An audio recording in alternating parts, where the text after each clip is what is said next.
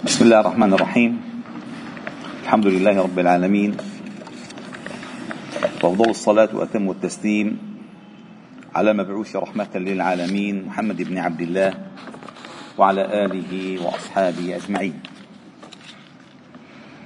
ربنا اشرح لنا صدورنا ويسر لنا أمورنا واحلل عقد ألسنتنا ليفقه الناس قولنا.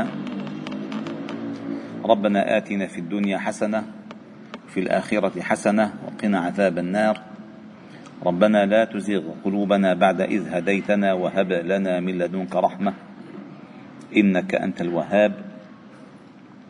اللهم أحسن عاقبتنا في الأمور كلها وأجرنا من خزي الدنيا وعذاب الآخرة. اللهم إنا نسألك رضاك والجنة ونعوذ بك اللهم من سخطك والنار. ربنا لا تؤاخذنا إن نسينا وأخطأنا ربنا ولا تحمل علينا إصرا كما حملته على الذين من قبلنا. ربنا ولا تحملنا ما لا طاقة لنا به. واعف عنا واغفر لنا وارحمنا. أنت مولانا فانصرنا على القوم الكافرين. وبعد أيها الأحباب الكرام فبسم الله تعالى نبدأ. ومن حمد الله تعالى ننطلق. والله تعالى نسأل السداد والتوفيق والرشاد والصواب فإن منه وحده التوفيق وهو المؤمل بالسداد والترشيد. وقد وسنشرع بعون الله تعالى بقراءة هذا الكتاب أو هذا السفر الكبير المهم العظيم الموسوم بالشفاء بالتعريف بحقوق المصطفى صلى الله عليه وسلم للإمام القاضي عياض. وهذا الكتاب من الأهمية بمكان إذ أنه يعرف المسلمين بحقوق نبيهم صلى الله عليه وسلم عليهم. وهو كما قال المؤلف رحمه الله تعالى قال وحسب المتأمل أن يحقق أن كتابنا هذا لم نجمعه لمنكر نبوة محمد صلى الله عليه وسلم. فهذا الكتاب لم يكتب للمخالفين المغايرين الاخصام الكفار إنما كتب للتعريف لتعريف المسلمين بحقوق نبيهم صلى الله عليه وسلم عليهم. فقال لم نجمعه لمنكر نبوة نبينا محمد صلى الله عليه وسلم ولا لطاعن في معجزته فنحتاج إلى نصب البراهين عليها وتحصين حوزتها حتى لا يتوصل المطاعن إليها المطاعن إليها ونذكر شروط المعجز والتحدي وحده وفساد قول من أبطل نسخ الشرائع ورده بل وقلنا أن بل حرف إضراب أي إنما ألفناه لي بل ألفناه لأهل ملته الملبين لدعوته والمصدقين بنبوته ليكون تأكيدا في محبتهم له ومماتا يعني نموا لأعمالهم وليزدادوا إيمانا مع إيمانهم. إذا هذا الهدف من تأليف الكتاب. إذا أنت دخلت الآن إلى عالم الكتاب أهم شيء أيها الأحباب الكرام أهم شيء عندما تريدون أن تقرأوا كتابا دققوا وتأملوا في سبب تأليف هذا الكتاب. ثم بعد ذلك ادرسوا الظروف التي ألفت ألف فيها هذا الكتاب. وبعد ذلك كذلك تعرفوا على شخصية مؤلف هذا الكتاب. فهذه الأمور الثلاثة مجتمعة تعينكم أي إعانة في فهم المقصود الذي أراده المؤلف من تأليف كتابه. أما أن تقرأ الكتاب بالفهرس وتبدأ بمواضعه من غير مقدمات ومن غير تمهيد فلن تصل إلى المقصود لأن كل مؤلف لا بد كل مؤلف لا بد وأن تطبع شخصية مؤلفه فيه وأن ترى بصمته في نواحيه وإلا لن تستفيد من هذا المؤلف أو المؤلف لأنه لم يترك أثرا فيك. فكلما كان هذا المؤلف لهذا الكتاب يعني شخصيته آه، متفاعلة فيما يؤلف وبصمته ظاهرة بما تأثر فسينقل ذلك إليك من خلال قراءتك وتفاعلك مع هذا الكتاب.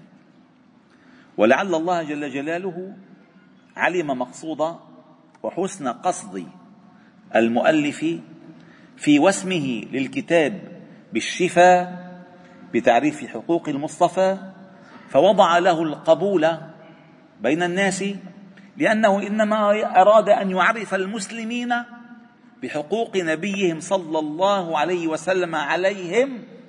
فنشر هذا الكتاب انتشارا كبيرا لحسن قصد مؤلفه لذلك. والإمام كما سيأتي معنا الإمام القاضي عياض وقل وقلما قلما تجد من المؤلفين على مر التاريخ أن يوسم المؤلف بوصف القاضي. قلما إلا القاضي عياض. فهو فعلا كان قاضيا حاذقا شديدا ماهرا عذب وطرد. ونقل ولكنه ما آه، آه، اشترى وباع في قضائه بالحق ابدا. ابدا. وعندما ألفه اولا ربما لست أهلا أنا حتى أن أعرفكم بهذا الكتاب ولكن من باب التشبه بالكرام فالتشبه بالكرام فلاح ربما ربما آه، بهذا الوصل بهذا الوصل يتوصل إلينا الفضل. ربما. فنحن يعني حشرنا أنفسنا في هذه المسألة طمعا برحمة الله تعالى أن تنزل علينا الرحمات وأن تنشر علينا الفيوضات. بهذا القصد أننا سنعرف ما أراد المؤلف أن يعرف المسلمين عليه من حقوق النبي صلى الله عليه وسلم عليهم. والله تعالى نسأل أن يوفقنا لما يحب ويرضاه وأن يصحح نياتنا وأن يتقبل أعمالنا وأن يجعلها خالصة لوجهه الكريم. فعندما قال التعريف يعني الشفاء بتعريف القصد أيها الأحباب الكرام في كل شيء أن تعرف. لأنك إن لم تعرف لن تعلم. والمعرفة مقدمة العلم. المعرفة مقدمة العلم. وهي باب تصحيح العبادة. والله جل جلاله يقول وما خلقت الجن والإنس إلا ليعبدوني قال ابن عباس إلا ليعرفوني فعندما تعرفه حق المعرفة وتعرف شرعه وأمره وما له وما الذي أراده عندها تستغرق عبادة وتولها في تحقيق ألوهيته عليك وربوبيته عليك وتحقيق عبوديتك له وخدمتك له واستجابتك لأوامره. هذه المعرفة الأساس. فعندما أراد أن يعرف جعل التعريف هو الواسطة ما بين الشفاء وبين حقوق المصطفى صلى الله عليه وسلم. والمعرفة أيها الأحباب الكرام عندما تريد أن تعرف على شيء قال تعرف على شو؟ بتعريف حقوق حقوق المصطفى. والشيء بالشيء يذكر. أهم شيء أيها الأحباب الكرام في المعارف أن تتدرج المعارف. أن تتدرج المعارف. فلا يمكن مثلا أن تشغل نفسك آه، حجم الثمار بجزيرة سينكونتيكي اللي ما حدا بيعرفها وتترك ثمار بلدك. وتترك أهمية الأولويات التي عندك. أن تعرف الحقوق. كيف تعرف الحقوق؟ أن تعرف الحقوق بداية لأن معرفة الحقوق هي التي ترفعك إلى مراقي الأدب. متى يخطئ الإنسان؟ متى يخطئ؟ عندما لا يعرف حق حق أبيك حق أبيك عليك. حق أمك عليك. حق أخيك عليك. حق المسلم عليك. فتخطئ فلذلك معرفة الحقوق حتى تضبط العلاقة ما بينك وبين هذا الذي معرف له بك أو عليك. لذلك عندما تقرؤون سورة الحجرات تدركون هذه المعارف التي أرادها الله جل جلاله للمؤمنين أن يتعرفوا من خلالها على نبيهم صلى الله عليه وسلم وعلى حقيقة العلاقة فيما بينهم. فإذا كما قال العلماء والأحباب الكرام ضوابط الأدب في معرفة الحقوق, في معرفة الحقوق هي حفظ المراتب واعتبار المناقب وتحري العواقب والتصون عن المتاعب. هذا أساس ولو تراقب أي علاقة تنشأ أي علاقة تنشأ. ما بينك وبين الآخرين إن لم تعتبر هذه المدرجات الأربع لا حقيقة لعلاقتك بهذا الذي تتعلق به. أول شيء حفظ المراتب. أنزلوا الناس منازلهم. لا تجعلوا دعاء الرسول بينكم كدعاء بعضكم بعضا. حفظ المراتب أن تعرف مرتبته ومنزلته التي ينبغي أن تخاطبه من خلالها. لا ترفعوا أصواتكم فوق صوت النبي لا تجهروا له بالقول كجهر هذا حفظ المراتب. والنبي صلى الله عليه وسلم عندما دخل عليه آه، عدي بن حاتم أنزله منزلته وأجلسه على فراشه. وقال أنزلوا الناس منازلهم. حفظ المراتب أساس ولو كان كافرا. لذلك النبي صلى الله عليه وسلم عندما أرسل إلى النجاشي قبل أن يسلم قبل أن يسلم ماذا قال جعفر؟ أيها الملك خاطبه بمرتبته التي يعرف بها أمام الناس. إذا لم تعرف المراتب للناس لن يعرف لك المراتب بعد ذلك عند الناس. إذا أولا حفظ المراتب ثم ذلك اعتبار المناقب. المناقب هي التي تستر على المعايب. فمناقب الإنسان هي التي تحدد علاقتك به. والنبي صلى الله عليه وسلم كله مناقب وأخلاه الله تعالى من المعايب. فالله زكى له روح زكى له روحه وبصره وسمعه وعقله ولسانه وقلبه وفؤاده وجسمه وزكاه كله. فإذا عندما نتعرف على هذه المزايا في المراتب والمناقب ونتحرى العواقب في جزاء من حفظ المراتب وفهم المناقب ستأتي العواقب عليك. شو العواقب؟ حسن اتباع الأثر. وأن تنسب لمن تحفظ له المرتبة ولمن تراعي له المنقبة. فعند ذلك أنت ذلك تصان من المتاعب. والدليل على ذلك قوله جل جلاله فليحذر الذين يخالفون عن أمره أن تصيبهم فتنة أو يصيبهم عذاب أليم. تصان. أنت بحفظك المراتب وباعتبارك المناقب وبصونك العواقب وتحري العواقب عند ذلك تصان من الأمور التي لا تحبها. هذه كل علاقة مع أي انسان تدفع ثمن عملك. والقصد في معرفة الحقوق هو إقامة القسط والعدل. لذلك الميزان جعله الله تعالى بكفتين بكفتين. لا ينبغي أن تكون كفة لا ينبغي أن تكون كفة أرجح من كفة. عندما تستوي الكفتان يقام الميزان.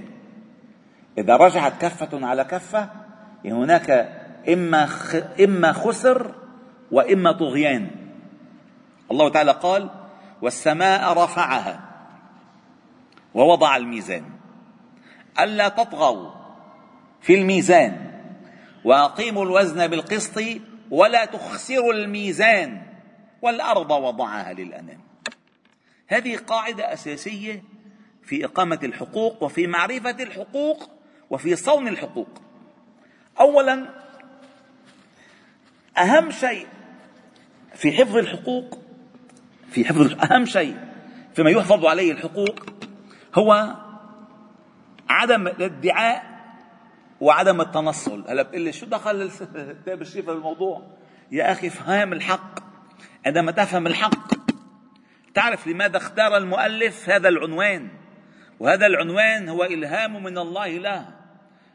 الشفاء بتعريف حقوق. عندما تعرف الحقوق تعرف أين مقصر وأين يمكن أن تستدرك وأين يمكن أن آه، تستقيم. إذا ما عرفت الحقوق تضيع يضع كل شيء. أهم شيء في معرفة الحقوق هو أن تبتعد عن التنصل وأن تبتعد عن الادعاء. شو الادعاء؟ الادعاء هو الذي يدعي غير حقه فيخسر في الميزان. والتنصل هو الذي يدعي في حق الغير عليه فيضغى في الميزان.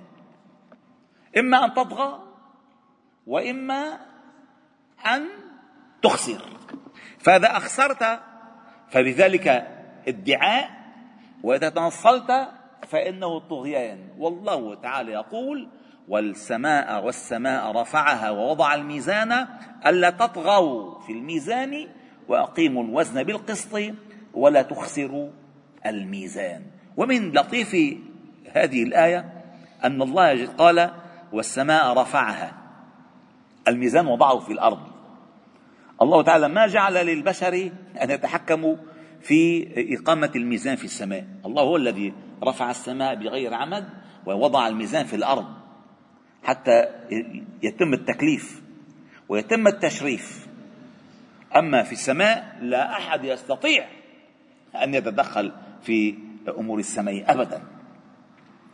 فقال كذلك لقد أرسلنا رسلنا بالبينات وأنزلنا معهم الكتاب والميزان ليقوم الناس بالقسط.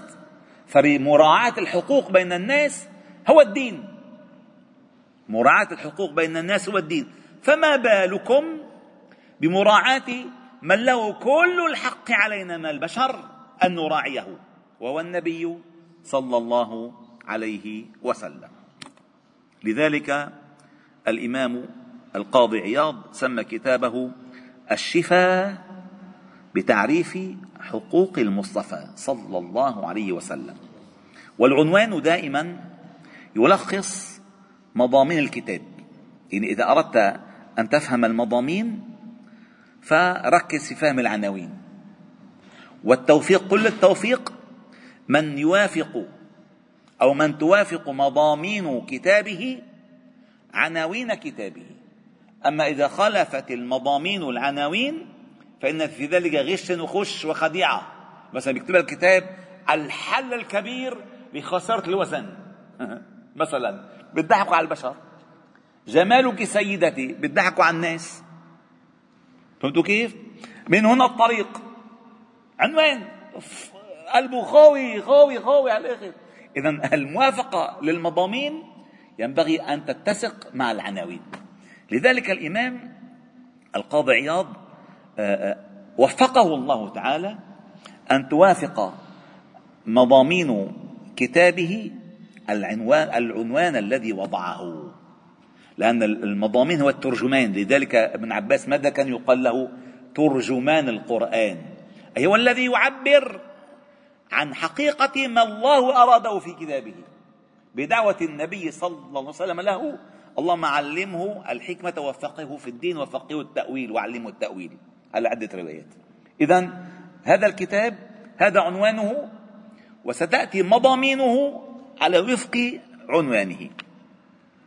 طيب الشفاء. لماذا سماه الإمام الشفاء؟ وما الذي أراده من ذلك؟ وما تعريف الشفاء؟ الشفاء مصطلحا هو كل شيء يطرد العلة كل شيء يطرد العلة. اسمه شفاء. وقيام قانون الشفاء هو على جلب العافية وطرد العادية. جلب العافية وطرد أو درء العاده العاده يعني أي شيء يدخل عليك طارئا فأنت تطرده والعافية تجلبه. فإذا جلبت العافية وطردت العادية فأنت في شفاء. لك يتماثل للشفاء. ليش؟ بلشت العلة تروح. يتماثل للشفاء. والغاية من هذا الشفاء الاستواء وعودة الأمور إلى ما كانت عليه. وفرق هناك فرق كبير في لغه في اللغة بين الشفاء والشفا الله جل جلاله أو الله تعالى قال وكنتم على شفا حفرة من النار. والكتاب لم يسمى الشفاء. بتعرف انما قال الشفاء بإسقاط الهمز. والشفاء يتضمن الشفا والشفا في اللغة هي المقاربة. وكنتم على شفا حفرة من النار. إن كنتم قريبين من السقوط. فإن فإنكم عندما تقربون تقربون من تعريفكم أو من معرفتكم بحقوق النبي صلى الله عليه وسلم فإنكم تقربون من الشفاء. فهذا الشفاء فيه الشفاء أي فيه المقاربة من معرفتكم بحقوق وسلم فعندها ينزل عليكم الشفاء فتطرد العلة ويطرد آه، العادية وتجلب العافية. ولا عافية ولا عافية مثل أو مثل اتباع النبي صلى الله عليه وسلم. والنبي صلى الله عليه وسلم قال شفاء العي السؤال شفاء العي السؤال فعندما تتعرف لأن عندما تسأل تريد أن تعرف عندها تشفى. فأراد الإمام أن يعرفك على ما به شفاؤك وما به عافيتك وصحتك. ومن أسماء الله تعالى أنه الشافي وعندما أراد إبراهيم عليه السلام أن يعرف ربه على قومه قال أفرأيتم ما كنتم تعبدون أنتم وآباؤكم الأقدمون فإنهم عدو لي. إلا رب العالمين الذي خلقني فهو يهدين والذي هو يطعمني ويسقين وإذا مرضت فهو يشفين. وفي الرقية المشهورة اللهم رب الناس مذهب الباس اشف أنت الشافي. لا شفاء إلا شفاؤك. شفاء لا يغادر سقما. فأراد الإمام القاضي عياض أن يعطيك أو أن يعطيك بعض مفاتيح الشفاء مما نحن فيه مما نحن فيه بالتعرف على حقوق المصطفى صلى الله عليه وسلم. وكذلك قال النبي صلى الله عليه وسلم الحبة السوداء شفاء من كل داء وماء زمزم طعام طعم وشفاء سقم. وفرق كبير بين أن يقول شفاء سقم وأن يقول شفاء سقم. السقم من المرض. أما السقم أي أصل المرض. كل المرض. كل المرض. فإذا يتحصل الشفاء بمقاربة أسبابه. ومقاربة أسبابه هنا أن تتعرف على حقوق النبي صلى الله عليه وسلم. لذلك سماه الإمام الشفاء بتعريف حقوق المصطفى. أما الحق لماذا قال؟ الحقوق. ما هو الحق؟ الحق هو اسم يطلق على المطابق الموافق للحكمة يعني ما وضع له. والثابت بنفسه يعني ما متغير. كل شيء حوله يتغير ولا يتغير بل يقاس عليه وهو الضمان لكل المتغيرات. فإذا تعلقت بالثوابت ما ضرتك المتغيرات. وإذا تعلقت بالمتغيرات ما فهمت الثوابت ضاعت عنك الثوابت. لذلك ما أنا عليه وأصحابه ثوابت. ما بعده تغيرات. فأنت عندما تريد أن تفهم المتغيرات عليك أن تتعلق بالثوابت. وتنظر إلى كل المتغيرات حولك من خلال الثوابت التي تعرفها أنت. أما إذا وقعت في المتغيرات وأصبحت المتغيرات عندك ثوابت فلا يمكن أن تعرف الثوابت. لا يمكن. لذلك بدأ الدين غريبا وسيبدأ غريبا كما بدأ. فطوبى للغرباء. من الغرباء؟ من متمسكون بسنتي. أي بهذا الدين المعتصم بكتاب الله تعالى وحبل المتين. هذا الثابت. فالحق أي الثابت في حقه صلى الله عليه وسلم والحق من أسماء الله تعالى. أن الله هو الحق المبين. ومن أسماء كتاب الله تعالى الحق. ولما جاءهم الحق من عندنا. وبالحق أنزلنا. وبالحق نزل. فإذا عندما يتوافق يتوافق آه، الفعل مع الحكمة يكون حقا. والله جل جلاله قال خلق الله السماوات والأرض بالحق. وما خلقنا السماوات والأرض وما بينهما إلا بالحق. أي بالحق ثابت. ولو اتبع الحق أهواءهم لفسدت السماوات والأرض ومن فيهن. فالحق ثابت. لو لحق الحق التغيرات لفسد كل شيء. لفسد كل شيء. فالثوابت يعني الحق لذلك يقال هذه شو يسموها هذه؟ المفصلة في الباب. ليك هذه المفصلة فوق تسمى في اللغة هذا حق. هذه الحقة سموها حقة لا الحقة لأن كل يتحرك وهي ثابتة. إذا تحركت بيوقع الباب. فإذا أنت هنا أنت هنا وتعلقاتك هنا. فإذا أصبحت تعلقاتك هنا أصبحت كالمروحة.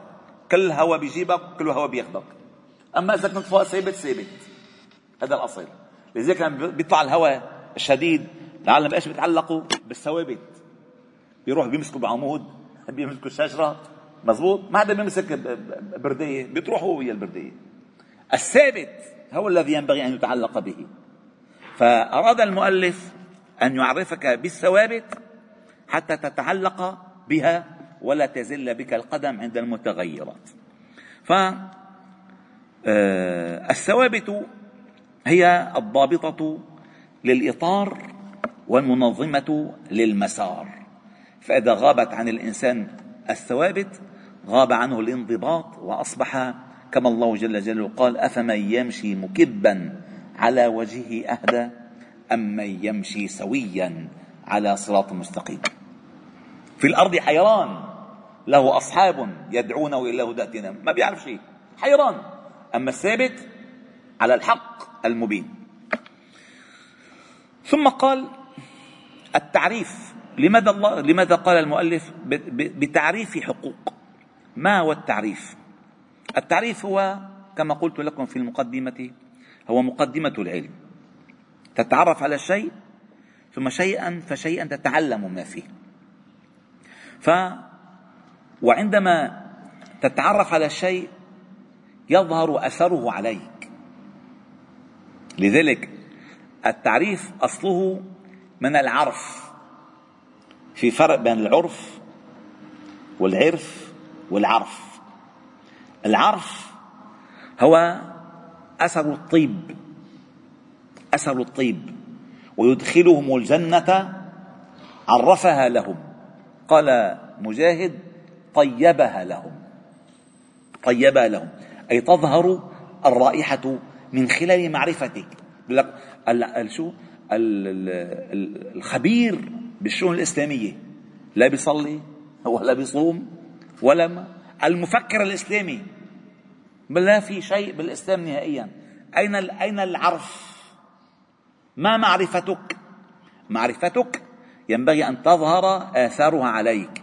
وصدق الشاعر في أبيات جميلة يقول فيها تنسب إلى الامام الشافعي رحمه الله تعالى وإذا أراد الله نشر فضيلة طويت أتاح لها لسان حسود إذا أراد الله نشر فضيلة طويت أتاح لها لسان حسود لولا اشتعال النار فيما جاورت ما كان يعرف طيب عرف العود. بتجيب شو اسمه؟ الخشبة بتشمها ما في شيء. ما في شيء أبدا. بتشعل النار تحتها. أي بتشغل لسان الحاسدين عليها. فيظهر فضله. وإذا أراد الله نشر فضيلة طويت أتاح لها لسان حسود لولا اشتعار النار فيما جاورت ما كان يعرف طيب عرف العود. فمن العرف فالمعرفة أي أن تظهر آثار هذه المعرفة عليك. المعرفة ليست للمعرفة. والله أنا متثقف إسلاميا. لا ما في عندنا ثقافة إسلامية. حتى التثقيف اللغة العربية هو هو السن. تقول أنا ثقفت الرمح أي أعددته للرمي. يعني صار مسنون. أما الآن التثقيف هو التجهيل. فإذا هو قال بالتعريف أي حتى تظهر هذه المعارف بآثارها عليك من خلال معرفتك بها. هذا هو التعريف. لذلك الله تعالى يقال لا يقال عنه عارف يقال عنه عالم. لأن الله علام الغيوب. المعرفة تأتي بشيء بعد شيء بعد شيء. والله تعالى علمه محيط. نحن علمنا ما؟ وين علمنا؟ شيء شيء وما أوتيت من العلم إلا قليلا. فإذا حتى نلتزم بالوقت لأن الوقت يداهمنا شيئا فشيئا. بقي علينا أن لماذا قال بتعريف حقوق المصطفى صلى الله عليه وسلم؟ المصطفى أولا اسم مفعول الله اصطفاه لم يختر نفسه بنفسه صلى الله عليه وسلم. الله يصطفي من الملائكة ورسل ومن الناس. إن الله اصطفى آدم ونوحا وآل إبراهيم. فعندما تعرف أنه مصطفى ينبغي أن تعرف حق من اصطفاه. فما اصطفاه عبثا ولقد اخترناهم على علم من العالمين فإذا الله اصطفاه فأنت ينبغي أن تبذل جهدا كبيرا في معرفة قدره عند عند من اصطفاه. وحقه فيما اصطفي له ثم بعد ذلك حقه عليك. يا موسى إني اصطفيتك على الناس. برسالاتي وبكلامي. فإذا أنت ما قدرت الاصطفاء فلن تأخذ شيئا من الصفاء. ودائما كنت في تحكير حياة وفي شقاء. فعرفة المصطفى. فمصطفى أي الله اصطفاه. فعندما تعرف أن الله اصطفاه يعني الله اختاره وما عليك إلا أن تتعرف على هذه المزايا التي بها اصطفاه الله تعالى وجعله المصطفى المختار. والاصطفاء بالأصل هو التخليص من كل شائبة. فمثلا شيء مخلوط اصطفيت هذه المسألة فهذا المصطفى اصطفيتها من كل هذه الشوائب فهي خالصة من كل شائبة لا شية فيها. اذا كل شيء من أجل التخصيص لابد له من تخليص. تخلص حتى تخصص. لذلك قال الأئمة التحلية التخلية قبل التحلية. أي أن تخلص حتى تخصص. إذا ما في تخلية ما في تحلية. فهذا العنوان بالإجمال من غير سرد وتفصيل في الشفاء بتعريف حقوق المصطفى صلى الله عليه وسلم. وإن شاء الله تعالى في المجلس القادم نتعرف على القاضي عياض وعلى خطته في تأليف كتابه وأبوابه وفصوله. والحمد لله رب العالمين. سبحان الله وبحمدك نشهد أن لا إله إلا أنت نستغفر ونتوب إليك. وصلي وسلم وبارك على محمد وعلى آله وأصحابه أجمعين. والحمد لله رب العالمين.